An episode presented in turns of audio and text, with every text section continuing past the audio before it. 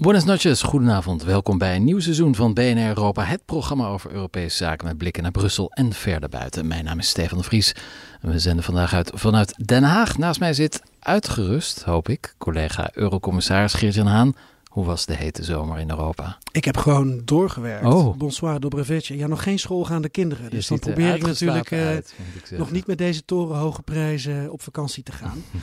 We trappen dit nieuwe seizoen af met een interview met de Nederlandse minister voor Handel en eh, Ontwikkelingssamenwerking, Buitenlandse Handel. En eh, tot ze begin dit jaar minister werd, was ze Europarlementariër. Ik heb het over Liesje Schrijnemacher. Het Europees Parlement heeft echt heel veel macht. Ook op eh, handelsverdragen, maar ook waar mijn collega Bart Groothuis mee Mhm. bezig is op landbouwbeleid. En eh, dus ik denk dat het heel belangrijk is dat er veel aandacht is eh, voor Brussel. Is Nederland nog wel een zelfstandig handelsland of zijn we vooral onderdeel van handelscontinent Europa? En zijn we sinds de Russische oorlog in Oekraïne meer dominee dan koopman? We vragen het allemaal aan de minister. Schrijnemacher kreeg zojuist hier in Den Haag het nieuwste CBS-rapport overhandigd over de stand van de Nederlandse import, export en de internationale investeringencijfers. Hoe Europees is onze economie en wat zijn de vooruitzichten voor 2022 nu de handel met Rusland deels wegvalt? Ja, in onze langere podcastversie praten we met minister Schrijnemacher over financiële steunpakketten aan Oekraïne. En we vragen haar, verloopt die steun wel volgens de regels?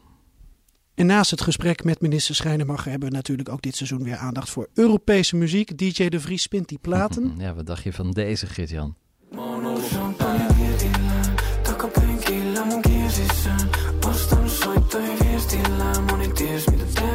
Had deze niet zien aankomen. Ik eh, heb wel een idee waar dit vandaan komt. Oké, nou de lange versie hoor je zo. Dit is BNR Europa. Eurocommissarissen Haan en de Vries houden de Brusselse zaken scherp in de gaten. Tijd voor de Europese Week, eh, collega Eurocommissaris Haan. Waar zullen we het eens over hebben? Denk toch over Mikhail Gorbachev. Ja. En de reacties uit Europa op zijn dood en zijn leven. Die zijn namelijk veel wisselender dan wij in het Westen misschien denken, veronderstellen. Het uiteenvallen van de Sovjet-Unie was helemaal niet zijn plan. En in sommige landen werden onafhankelijkheidsprotesten bruut neergeslagen, ook onder Gorbachev. Ja. En dat zorgt ervoor dat de necrologieën die nu verschijnen ehm, in Europa en de herinneringen aan Gorbachev, dat die overal in Europa eigenlijk anders zijn. Ja, laten we een paar voorbeelden noemen. Ehm, als luisteraar kun je die voorbeelden trouwens ook terugvinden in de show notes van onze podcast. Ja. Mag ik aftrappen met Gazette Wyborcza? Zeker. Eh, Adam Michnik. eh, Polen. Polen zat in het Warschau-pact en dat verliet de invloedssfeer van de Sovjet-Unie eh, als een van de eerste. Ja. En eh Michnik is een bekende eh, politiek activist van voorheen. Zat bij de Solidarność, bij de Solidariteitsbeweging, ideoloog daarvan. En hij zegt over Gorbachev, prachtige quote. Gorbachev is zo'n vent die langs de muur van een huis loopt. Er steekt een baksteen uit de muur. Hij wrijft er per ongeluk over en het hele huis valt uit elkaar. Ik vond dat wel een mooie. En Polen heeft een beetje een ambiguë kijk op Ja. hoe, eh, hoe je Gorbachev nou moet herdenken. Ja, ook omdat ze natuurlijk een eigen soort van Gorbachev hadden. Lech Walenza. eh, En die leeft nog, die leeft de nog. voormalige Ja, elektricien. Een van de, De- laatsten der Ja, uit die tijd. Iedereen Ja. eh, die verder alles heeft meegemaakt is helaas eh, overleden. Ja, hoe, hoe, hoe werd er in Duitsland gereageerd? Want dat land werd natuurlijk, ontstond eigenlijk ook in de nasleep van, van perestroika, glasnost.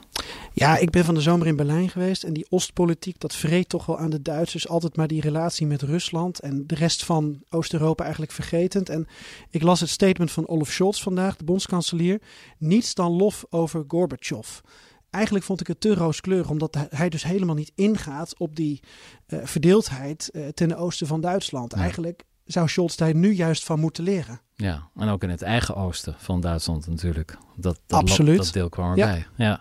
Eh, Griekenland, eh, dat stelt dat Gorbachev een ware Europeaan was. Eh, waar- waarom? Hoe, wat is hun argument? Ja, dat verklaren ze niet echt. Dat las ik bij Jekati Merini. En Gorbachev als ware Europeaan, dat deed me dan denken aan dat hij ooit in 1987 in Praag het had over het eh, Europese huis. Eh, een soort gemeenschappelijk Europees huis. De eerste keer dat hij het had over hoe je eigenlijk Europa niet in machtsblokken moet zien. Maar eh, voordat mensen daar weer een, een heldenbeeld bij krijgen. Hij had niet het idee dat de Sovjet-Unie dan uiteen moest vallen. Hij had ook niet het idee dat het Warschau-pact dan uit de invloedssfeer moest verdwijnen. Dus de soevereine staten die we nu kennen, die binnen die sfeer zaten, die moesten natuurlijk wel blijven. Maar samen met Mitterrand, met Thatcher, Ja.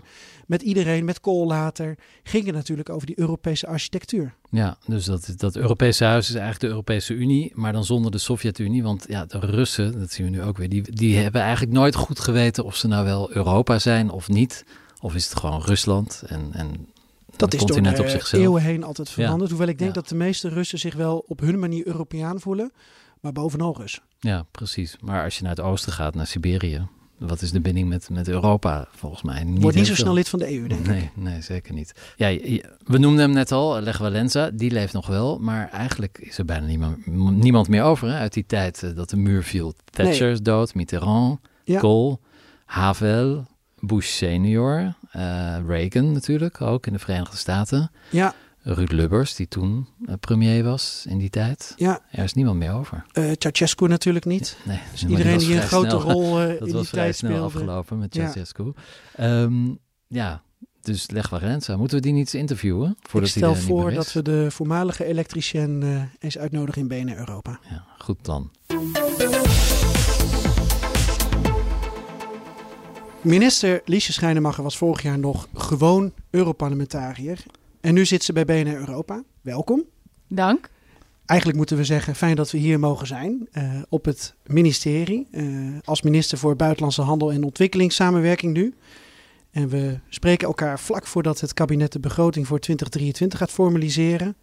En we vroegen ons toch af, als het crisis is in Europa en in Nederland, met torenhoge prijzen, met slechte vooruitzichten, wordt er dan eh, beknibbeld op ontwikkelingssamenwerking? Nee, dat wordt het niet. Eh, sterker nog, we hebben in het coalitieakkoord afgesproken dat er geld bij komt. Oplopend tot 500 miljoen. Dus eh, we gaan meer uitgeven. Oké. En in procenten van het eh, BBP, hoeveel is dat? Gaat het dan omhoog of eh, blijft het dan nee, het gaat Want wat omhoog. Ja, toch wel? Ja, ja, ja. ja. Ondanks de economische groei. ja, we zitten nu op meer dan eh, 6,5 procent. Eh, sorry, 0,65 procent. Ja. Oké. Ehm, dus dat was geen extra strijd. Dat staat ook niet ter discussie. Nee, dat staat niet ter discussie. Oké. In het tweede deel van deze uitzending gaan we wat uitgebreider praten over ontwikkelingssamenwerking. Met name gericht op Oekraïne en de wederopbouw van dat land, waar al ruim een half jaar oorlog is. Daar zit ook een component eh, handel bij. Ehm, mevrouw Schijnemacher, hoe anders is uw werk geworden door die oorlog? Nou, dat is wel veranderd. Ehm, eh, toen we op het bordes stonden op 10 januari, eh, konden we dit natuurlijk niet vermoeden. En eh, eigenlijk, nou ja, anderhalve maand na anderhalve maand ministerschap gebeurde die inval. En ehm, eh, dat heeft meteen direct gevolgen, want ik ga bijvoorbeeld over de exportvergunningen van wapens. Eh, nou ja, er is al snel gezegd, we gaan wapens leveren aan Oekraïne. Die vergunningen geef ik af. Ehm, heel veel slachtoffers, veel leed. Eh, dus we hebben meteen ook gekeken hoe kunnen we humanitair bijdragen? Wat kunnen we humanitair doen? Eh, maar ook het bedrijfsleven. Er waren meteen heel veel vragen ehm, vanuit het bedrijfsleven. Wat kan ik dan wel eh, in Oekraïne doen? Maar ook als ik eh, exporteer naar Rusland, eh, hoe kan ik daarmee omgaan? En nou ja, als buitenlandse zaken helpen we daar ook ondernemers om te kijken wat voor andere afzetmarkten zij kunnen vinden. Eh, dus we, hadden, we hebben bij RVO, de Rijksdienst voor Ondernemend Nederland, een, eh, een callcenter. En eh, daar kwamen heel veel vragen, ook met name over de sancties binnen. Want de sancties werden natuurlijk, dat is het werk van mijn collega minister Hoekstra. Van wat kan ik nog wel exporteren, wat niet? Krijg ik hier vergunningen voor of niet? Ehm, en die vragen kwamen daar allemaal binnen. Nou, daar ga ik ook over om het bedrijfsleven te helpen. Dus op die manier eh, nou, ben ik eigenlijk heel betrokken geweest bij de oorlog eh, in al die tijd. Hoeveel procent van uw tijd of van de capaciteit van het ministerie gaat nu op aan de, aan de oorlog aan, of aan oorlogsgerelateerde zaken? Ja, je kunt het niet zo eh, eh, van zoveel FTE is de hele dag daarmee bezig. Want sommige mensen die bepaalde dossiers hebben over bijvoorbeeld voedselzekerheid in Afrika.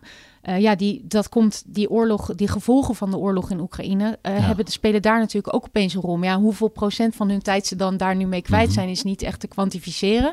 Maar het heeft eigenlijk voor bijna alle mensen in dit pand en ook voor heel veel posten in de wereld directe gevolgen. Ja. Maar waarom gaat u eigenlijk over wapenexportvergunningen? Ehm, ik ga over wapenexport. Eh, en eh, dat is meestal gaat dat. Dit is natuurlijk wel een uitzonderlijk geval waarin Nederland uh, de staat die wapens exporteert. Meestal zijn het bedrijven die wapens verkopen aan andere landen. Uh, en daar moet ik een vergunning voor afgeven. Dat hebben we in Europa zo bepaald. Hè. Er zijn acht exportcriteria, die toetsen we allemaal. En bijvoorbeeld uh, is dat land in actieve oorlog? is er een gevaar op doorgeleiding naar andere strijdende troepen? Uh, nou ja, zo zijn er acht criteria en op basis daarvan geef ik al dan niet een vergunning af. Actieve oorlog, dat is nu wel het geval. Ja. Heeft, heeft, u dan de regels uh, anders geïnterpreteerd dan, dan misschien? Nee hoor, maar nee? Dan, dan maak je dus een, een afweging ja, van ja. laat ik dat doorslaggevend zijn. En dan een aantal van die criteria is wel, uh, moet doorslaggevend zijn. En een ander aantal uh, kun je uh, eigenlijk ja, terzijde schuiven om, of zeggen, daar uh, laat ik niet het, uh, het al dan niet verlenen van die vergunning van afhangen. Ja, en dan zet u letterlijk uw handtekening en dan gaat het naar Oekraïne. Ja, ja. en dat advies dat wordt gegeven door Buitenlandse Zaken mm -hmm. en eigenlijk formeel door mijn collega minister Hoekstra geeft mij dat advies en ik besluit dan uiteindelijk of die vergunning verleend wordt. Zware verantwoordelijkheid. Ja, zo voel ik dat ook. ja.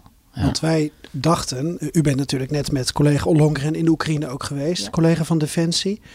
En uh, als je het hebt over wapenexportvergunningen, dan denk je eigenlijk toch aan uh, Defensie. Uh, ook omdat elk land in Europa nu de inventaris aan het bekijken is. Wat kan naar Oekraïne? Defensie gaat ook over de eventuele declaratie in Europa, want daar zijn fondsen natuurlijk voor opgezet. Dus vandaar dat we toch wel benieuwd waren waarom u dan uh, niet zijn nadelen van wat u aan kan, maar met deze zware verantwoordelijkheid zit, terwijl de rest allemaal bij Defensie zit. Nou ja, kijk, Defensie um, maakt uiteindelijk de afweging: uh, gaat dit uh, ten koste van ons voortzettingsvermogen, van onze gereedstelling? kan, kunnen wij dit leiden, om het maar even ja. heel kort te zeggen? Kunnen wij deze wapens exporteren?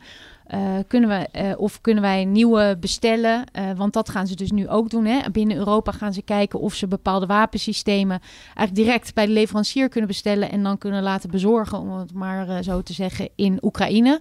Het komt uit de voorraden van Defensie. En nou ja, zodra het echt ten koste gaat van de gereedstelling van Defensie, uh, dus dat zal uh, mijn uh, collega minister Olongren nou ja, al dan niet mm -hmm. besluiten of het kan. En dan op basis van het advies van de commandant der strijdkrachten natuurlijk. Ja, ja u was natuurlijk wel politiek assistent van Janine Hennis, ja. voormalig minister van Defensie. Dus alles wat u in die tijd heeft geleerd, dat komt nu ineens toch van pas. Klopt. Ook al was dat niet de bedoeling natuurlijk. Nee, maar als ik een panzerhouwitser zie staan, dan weet ik wel waar we het over hebben. Ja. Um, nu zit bijna heel Europa in hetzelfde schuitje met uh, veel inflatie. Veel landen leveren wapens aan Oekraïne. Um, veel landen zijn ook hard op zoek naar alternatieven voor Russisch gas en olie. Um, bent u misschien veel meer nu een Europese minister geworden dan, dan u had gedacht toen u op het bordes stond begin dit jaar? Um, nou ja, kijk, handel is natuurlijk eigenlijk al echt een heel uh, Europees domein. Hè? Ja. Want die competentie. Um, Europa is, die, uh, Europa is al verantwoordelijk voor onze handelsverdragen bijvoorbeeld. Um, dus wat dat betreft, uh, nou ja, kwam ik als uh, Europarlementariër, kwam ik natuurlijk al uit Europa en wist ik ook wel dat heel veel van mijn werk zich in Europa zou afspelen. Ja, hoe, hoe, nuttig was die ervaring in het parlement, in, in, in Brussel, het Europese parlement? Ja, zeker. Uh, heel nuttig, want je begrijpt gewoon hoe Europa werkt. En uh, uh, bijvoorbeeld met het International Procurement Instrument, het internationaal aanbestedingsinstrument, dat afgelopen maandag van kracht is gegaan.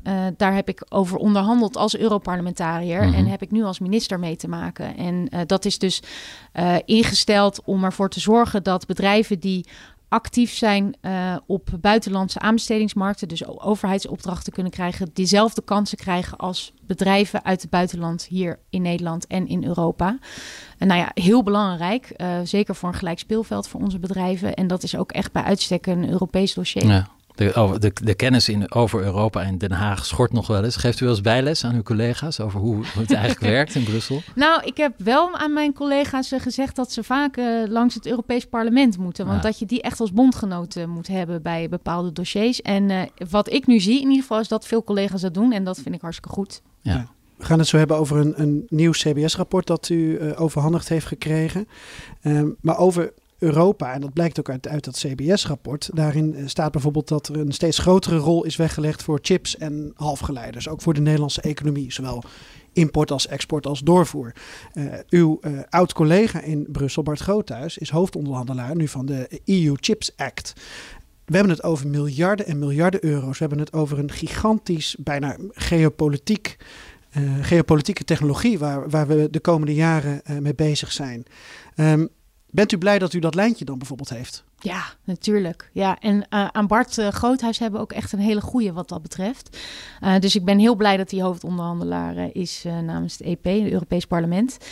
Um, en zeker mijn contacten in Brussel, uh, niet alleen in het Europees Parlement, maar ook verder gaan uh, uh, binnen de commissie. daar heb ik natuurlijk echt wel veel aan. Um, omdat veel van dit soort dingen zijn echt in Brussel belegd. En zeker met zo'n Chips Act vind ik het heel belangrijk dat we er ook voor zorgen. Het gaat om vele miljarden. Dat die miljarden natuurlijk ook gedeeltelijk in Nederland belanden. Dus ja. die zijn, uh, ja, dat is heel belangrijk dat wij daar ook voor lobbyen. En daarvoor zorgen wij hebben een heel mooi bedrijf in Nederland. Wat een echt unieke technologie heeft die nergens verder in de wereld verkrijgbaar is. Nou, we moeten er wel voor zorgen dat dat bedrijf goed gepositioneerd blijft. Op BNR kunnen we gewoon zeggen dat het ASML is. Daar gaat het om, precies. En, uh, uh, en daar zorgen wij dus ook voor in Brussel. Ja. Over dat CBS-rapport. Ja. Ik, ik gooi even een, een korte vraag erin. Is Nederland nog wel een handelsland? Ja, het antwoord is ja. Ja, het CBS laat echt zien. Uh, dat gaat natuurlijk over 2021, dus wel nog voor de oorlog met, uh, in Oekraïne, tussen Rusland en Oekraïne. Uh, maar wel al kon je zien dat na corona, dat we eigenlijk al in 2021 alweer het pre-corona niveau hadden bereikt qua handel. En sterker nog, dat alweer waren overstegen. Dus wat dat betreft doen we het echt goed als Nederland. Ondanks het feit dat we door onze open markt wel kwetsbaar zijn voor wat er in de wereld uh, verder gebeurt. Ja. Maar die open markt geeft ook juist kansen, toch? Ja, precies. Dus, ja. En we verdienen een derde uh, van ons geld, van ons inkomen, komt van die buitenlandse handel. Ja. Dus dat is echt heel serieus. Ja, ja.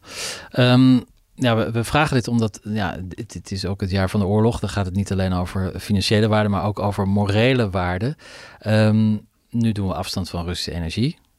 Een beetje door moraal gedreven, maar ja, of het echt moraal is, ik, wij vragen ons af. Maar nou, zijn we als niet... je het CBS-rapport ziet, dan, dan gaan we er flink op uh, achteruit. Dus ik denk niet dat financiën hier uh, Nee, precies. We, we, hebben twee, de, de, de waarde van de import is verdubbeld, hè, geloof ik, van de, van de gas en olie. Heb ik dat goed? Nou, ja, als je, zo heb ik de cijfers gelezen. Mm. Als je afgelopen maart en april bekijkt, de ja. eerste oorlogsmaanden, volle oorlogsmaanden, dan betaalden we in Nederland twee keer zoveel voor uh, Russische minerale import, brandstoffen. De import ja. vanuit Rusland is, is wel inderdaad zwaar gestegen doordat Ja. de prijzen ook gewoon Ja, zijn precies. gestegen. Ja, ja. Maar zijn we nu eh, misschien meer dominee geworden dan koopman? Of, of is dat geen strijd tussen de twee? Volgens mij is het geen strijd tussen de twee en, en hoeft het een het ander ook niet uit te sluiten. Uh, bijvoorbeeld, uh, nou, een paar maanden geleden sprak ik de Chinese minister, handelsminister. Dan hebben we het over onze bilaterale relatie Mhm. tussen de handel tussen onze landen. Maar ook over wat er in, met de Oeigoeren gebeurt. En, en daar wordt best wel, heb ik stevige taal uitgesproken. Hij overigens ook. Maar, Wat doet u dan mis met de Oeigoeren? Waarom moet hij dan stevige taal naar u uitspreken? Nou, hij heeft Bemoei je zijn met je ideeën eigen daarover zaken. waarom Ja. zij op die manier met Oeigoeren omgaan. Uh, uh, en uh, dat, dat leidt dan tot een stevig gesprek. Maar in principe, juist door die handel, kunnen we dat soort gesprekken ook voeren. En zit ik met zo iemand aan tafel. En uh, laat ik niet alleen maar handelsbelangen prevaleren boven zo'n gesprek. Dus ga Nee. ik niet alleen maar zeggen, ja, goed dat we nog eens wat meer importeren of exporteren. Maar uiteindelijk worden natuurlijk keiharde contracten gesloten, Oeigoer of niet. Uh, er worden nog steeds contracten gesloten. Het is wel zo dat we in Europa ook uh, aan het werken zijn aan een wet, de um, IMVO-wet. Dus uh, voor um, maatschappelijk verantwoord ondernemen, mm -hmm. internationaal maatschappelijk verantwoord ondernemen. Als die wet eenmaal van kracht is, dan is het eigenlijk niet meer mogelijk om producten op onze Europese markt uh, te verkopen die met uh, dwangarbeid zijn gemaakt. Dat heb ik hem ook gezegd. Hè? Mm -hmm. Van kijk, uh, je kunt er zo over denken als je wilt, maar als je nog zaken wil blijven doen met Europa, dan, dan moeten jullie daarmee stoppen, omdat je gewoon je, je spullen en je diensten niet meer kwijt kan op de Europese markt. Ja, en dan wat gebeurt er? Dan haalt hij zijn schouders op? Of Nee, nou ja, goed, uh, dan, uh, dan knikt hij en uh, dan zegt hij dat hij het begrijpt. Ja, bedankt voor de stroopwafels. nou, zo plat is het niet. Nee.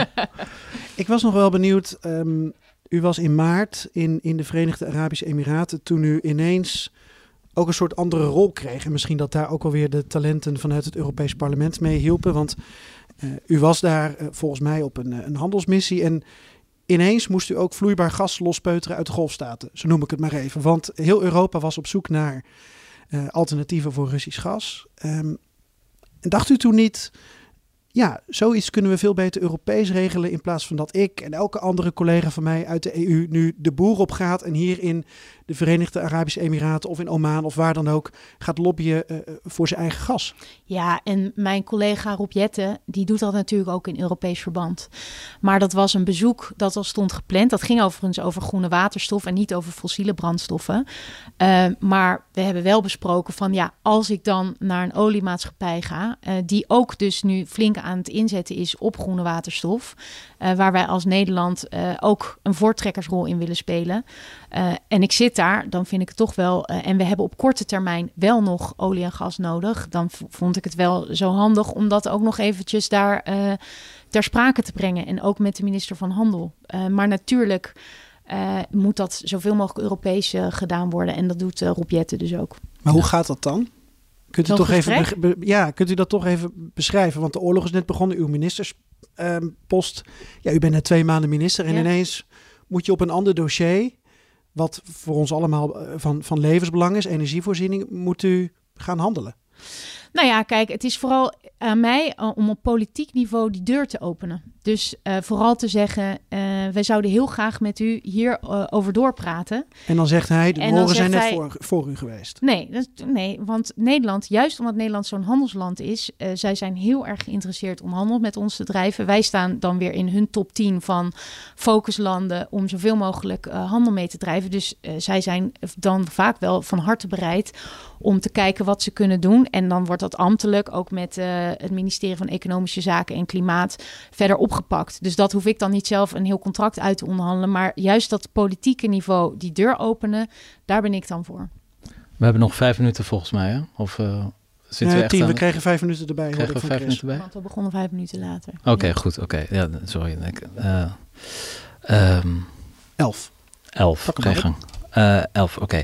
Okay. Um, ja, we hebben het dus over het rapport, CBS, uh, Nederland Handelsland. Um, we vragen op basis van dit rapport af of je ja, nog wel kunt spreken van een echte Nederlandse economie. Als je kijkt naar de import, export, investeringen. Het is een Europees land. De Europeanisering van onze economie uh, is eigenlijk bijna een pleonasme. Um, kun je nog wel spreken van een Nederlandse economie? Of is het gewoon een onderdeel van de Europese economie? Het is een onderdeel van de Europese economie, maar we hebben nog zeker wel een, een Nederlandse economie. En uh, um, kijk, we hebben bepaalde handelsinstrumenten of handels. Uh, uh, verdragen die we sluiten vanuit Europa. Maar uh, uiteindelijk uh, zijn Nederlandse bedrijven ingeschreven in de Nederlandse Kamer van Koophandel. en dragen die in Nederland belasting af. Dus wat dat betreft, ja, is het wel, kun je echt wel spreken van de Nederlandse economie. Ja. Maar we zetten 77% van onze handel af in onze eigen Unie. Nou, precies. En daarom is die interne markt zo belangrijk.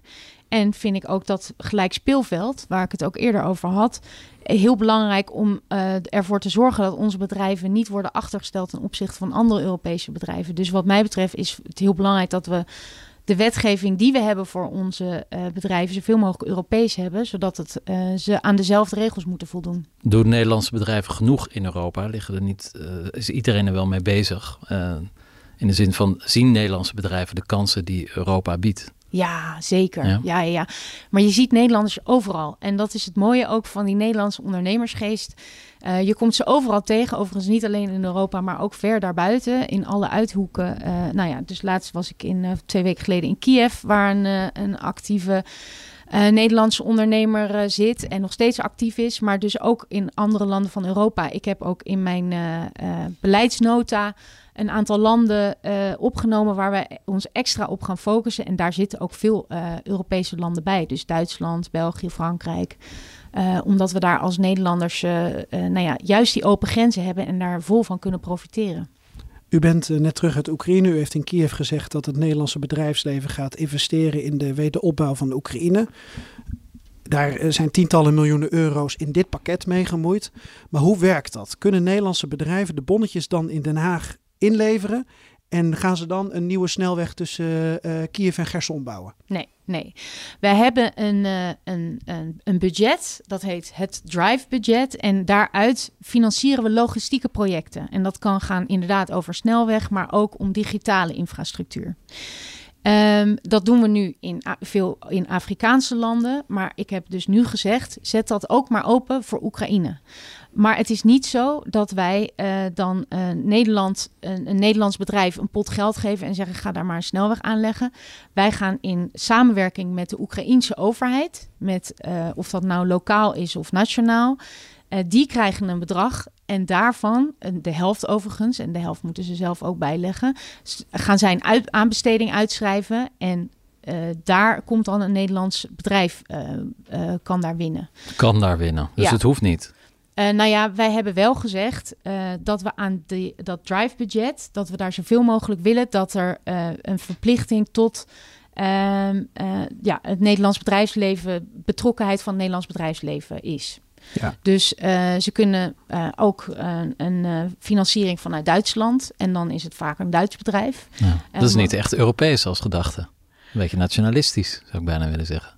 Nou ja, kijk, ik vind het belangrijk dat als wij dingen doen waar we goed in zijn, Ja. eh, eh, met water of landbouw, eh, dat we ons daar met name als het gaat om ontwikkelingssamenwerking met hulp bieden, dat we ons met name daarop focussen. En dat daar dan vaak een Nederlands bedrijf uitrolt. Dat lijkt me logisch als wij de beste bedrijven daarin hebben. Maar het kan in theorie dus ook zijn dat een Spaans bedrijf daar die tender wint en dan Nederlandse steun krijgt.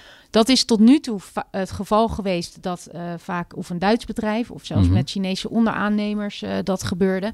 En ik heb juist gezegd van eh, tegen Invest International, die dat, eh, Mhm. die dat beheert, dat, eh, dat ik wil dat we er wel voor zorgen dat het vooral gaat om sectoren waar Nederland, ja, waar het eigenlijk vrijwel logisch is dat Nederland daar uit een aanbesteding komt. Maar het moet wel volgens de aanbestedings van dat lokale eh, land. Ja, Ja. ja. en eh, u heeft rechten gestudeerd, dus u weet er meer van dan ik in ieder geval. Stefan, had jij nou ook rechten gestudeerd? Zeker. Ja, nou, misschien dat jij nog dit kan weerleggen. Maar als er 50, 60 miljoen euro op een bankrekening in Den Haag staat voor Nederlandse bedrijven om in Oekraïne aan de slag te gaan, als je het zo simpel stelt, dan denk je dat is in strijd met, met Europese staatssteunregels. Hoe voorkom je dat? Dat voorkom je doordat je wel aan een aantal criteria voldoet, waaronder eh, dat je het wel volgens het lokale aanbestedingsrecht eh, doet. Ik ben ook aanbestedingsrechtadvocaat geweest, Oh, dus wat dat betreft is het wel mijn hobby. en eh, daarmee kan je dat voorkomen. En eh, eh, er wordt natuurlijk wel goed gekeken, ook vanuit Brussel, of het klopt. En het Mhm. moet natuurlijk kloppen. Ja. Ehm, eh, het geld moet sowieso, ja, dat noemen we audible zijn. Dus dat betekent dat het wel aan bepaalde regels moet voldoen om überhaupt binnen dat ODA-budget te passen. Dus het is niet zo dat wij met allemaal staatssteun nu dat gaan doen, want dan zijn we eigenlijk ja, pennywise pound foolish Ja. bezig. Z- Zweden heeft deze week ook volgens mij 45 miljoen euro aangekondigd voor de wederopbouw. Eh, een beetje hetzelfde idee daarachter. Ehm, is het, zit nu iedereen zich al, al warm te lopen voor de wederopbouwfase? Dat men in- denkt van, ah, kansen, kansen moeten we bij zijn. Nou ja, en ook wel om eh, Oekraïne te laten zien, eh, we zijn er voor jullie. Want Oekraïne kijkt natuurlijk ook wel, je ziet de, de oorlog wel van de voorpagina's verdwijnen. En naar de tweede en de Mhm. derde pagina. En dus Oekraïne kijkt ook wel een beetje van, zijn jullie er, internationale gemeenschap, zijn jullie straks nog voor ons? En dat willen wij natuurlijk hiermee ook wel laten zien. We zijn er nu voor jullie met militaire steun, humanitaire steun. Maar als jullie straks gaan opbouwen, willen we er ook voor jullie zijn. En eh, dat hebben ze mij natuurlijk ook gevraagd toen ik in Kiev was. Van, eh, kunnen we op jullie rekenen en op wat voor manier?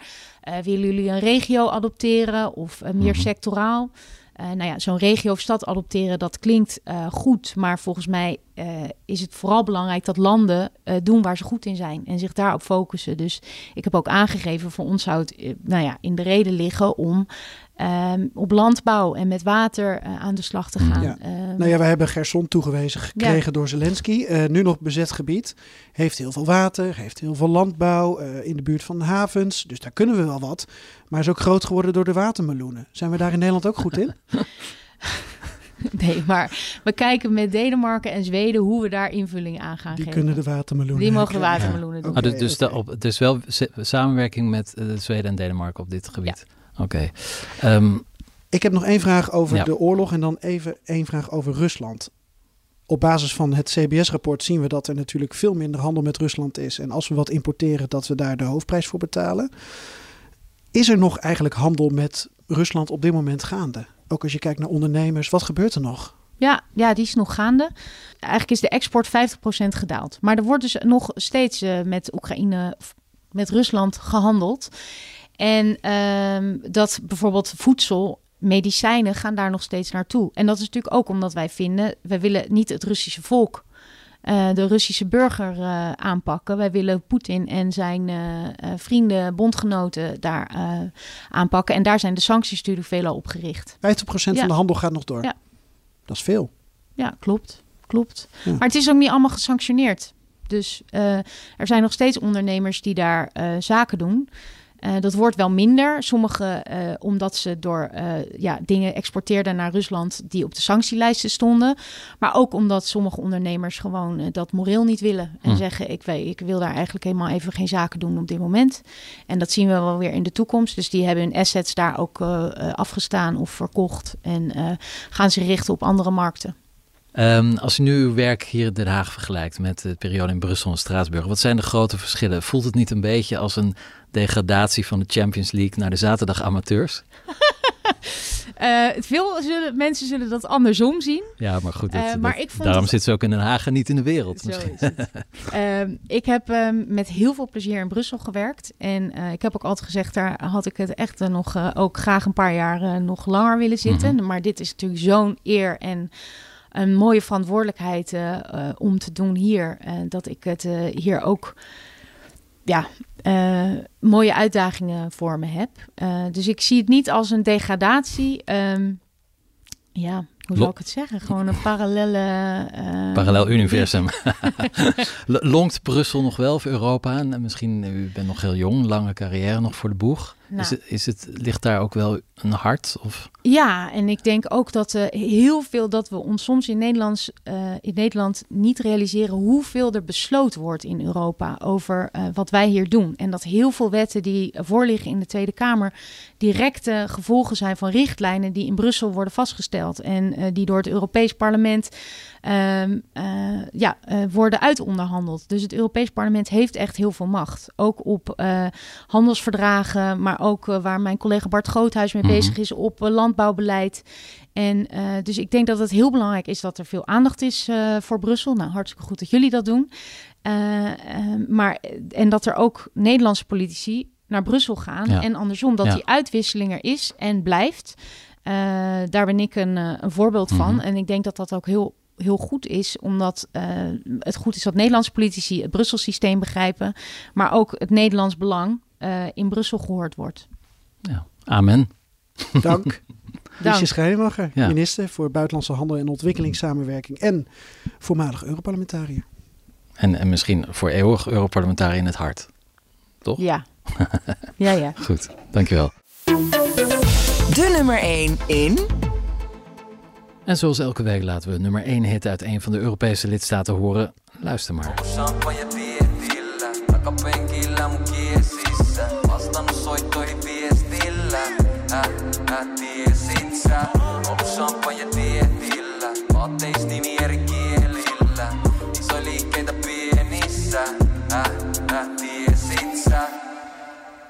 Ja, het is Champagne Dietilla. In champagne dieet? Ja, dat dacht ik ook. Maar het is een champagne reis. Nou ja, dat, ook, dat klinkt mij als muziek in de oren. Uh, het is de Finse zanger Gitto Massa die opeens staat dus in Helsinki en ver daarbuiten. Al deze Europese topmuziek staat in een Spotify-playlist die we ook dit seizoen weer aanvullen. Volg ons daar even zoeken op BNR nummer 1. En reacties op dit programma zijn welkom per mail op europa.bnr.nl of via Twitter op @bnreuropa. Voor nu, dank voor het luisteren. Volgende week zijn we er weer, dan vanuit Brussel. We gaan naar Berlemont en daar gaan we in gesprek met de vicevoorzitter van de Europese Commissie, Frans Timmermans. Aito. À la prochaine.